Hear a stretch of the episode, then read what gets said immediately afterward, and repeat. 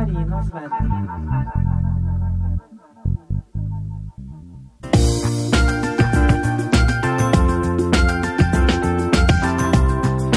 Tid for en eh, tepause.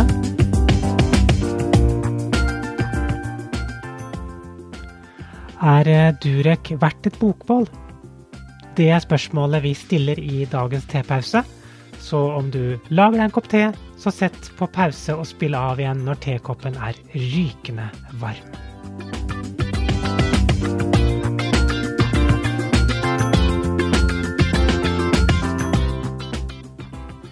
Det har vært mye støy i forbindelse med Durek Verrett og hans bok, som ikke likevel blir utgitt av Cappelen Dam forlag på norsk.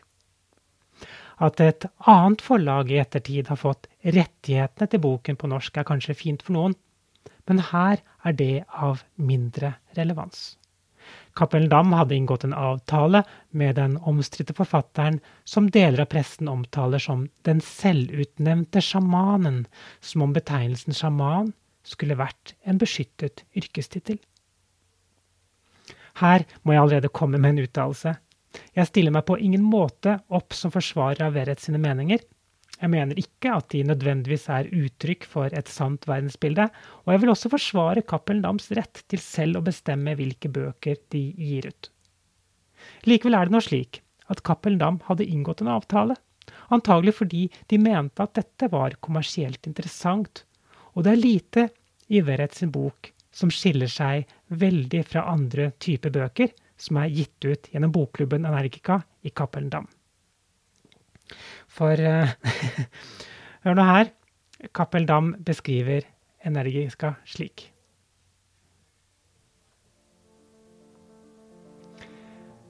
Energica for indre vekst. Blir hverdagen borte i kjas og mas? Er du i ferd med å miste kontakt med deg selv? Føler du et behov for nye impulser og indre påfyll? Bokklubben Energica har bøkene og varene som få andre bokklubber har. Vi har bøker om spådomskunst, tarot, magi og mystikk, om åndelig vekst og forvandling, om kroppens selvhelbredende evner og om mat og helse. Også grønn mat og vegan. Les og lær om yoga, meditasjon og mindfulness, healing, drømmetydning, ny bevissthet, sjamanisme, chakraer, krystaller, kommunikasjon med dyr, telepati, kanalisering, høysensitivitet. Engler, åndelige hjelpere, nær døden-opplevelser, liv etter døden, reinkarnasjon, personlig utvikling, holistisk helse, alternativ helse og livsstil. Dette er alternative bøker for deg som er opptatt av holisme, helhetlig helse, samspillet mellom sjel, kropp og sinn. Cappelen Dam mener altså at deler av innholdet i Verres bok er noe de ikke kan stille seg bak, og at innholdet kan være skadelig for personer i en sårbar posisjon. Og her kommer mitt første spørsmål. Er det slik at Cappelen Dam ellers alltid stiller seg bak enhver ytring som kommer til uttrykk i de bøker de gir ut? Også gjennom bokklubben Energica? Bokklubben Energica gir ut bøker på norsk som du ellers må til den amerikanske bokkjempen Amazon for å finne, da på engelsk. Gjennom Energica utfordres vårt verdensbilde med tro, overtro, impulser fra andre kulturer og tidligere kulturer, fra fusjon av veldig mye rart og det vi kaller New Age. Det er garantert veldig mye rart som kan gis ut i bøkers form gjennom Energica. Og vi kan mislike det, eller like det. Men brenne det?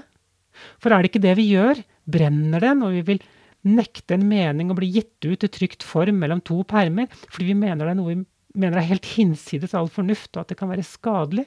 Minner ikke det dette litt vel mye om nazistenes bokbål?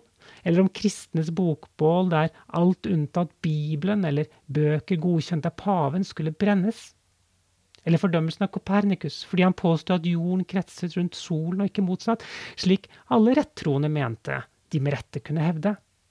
Og jorden var vel på den tiden også flat, var den ikke. Og hvor skadelig kunne det ikke være om noen trodde på at jorden rent faktisk ikke var sentrum i universet?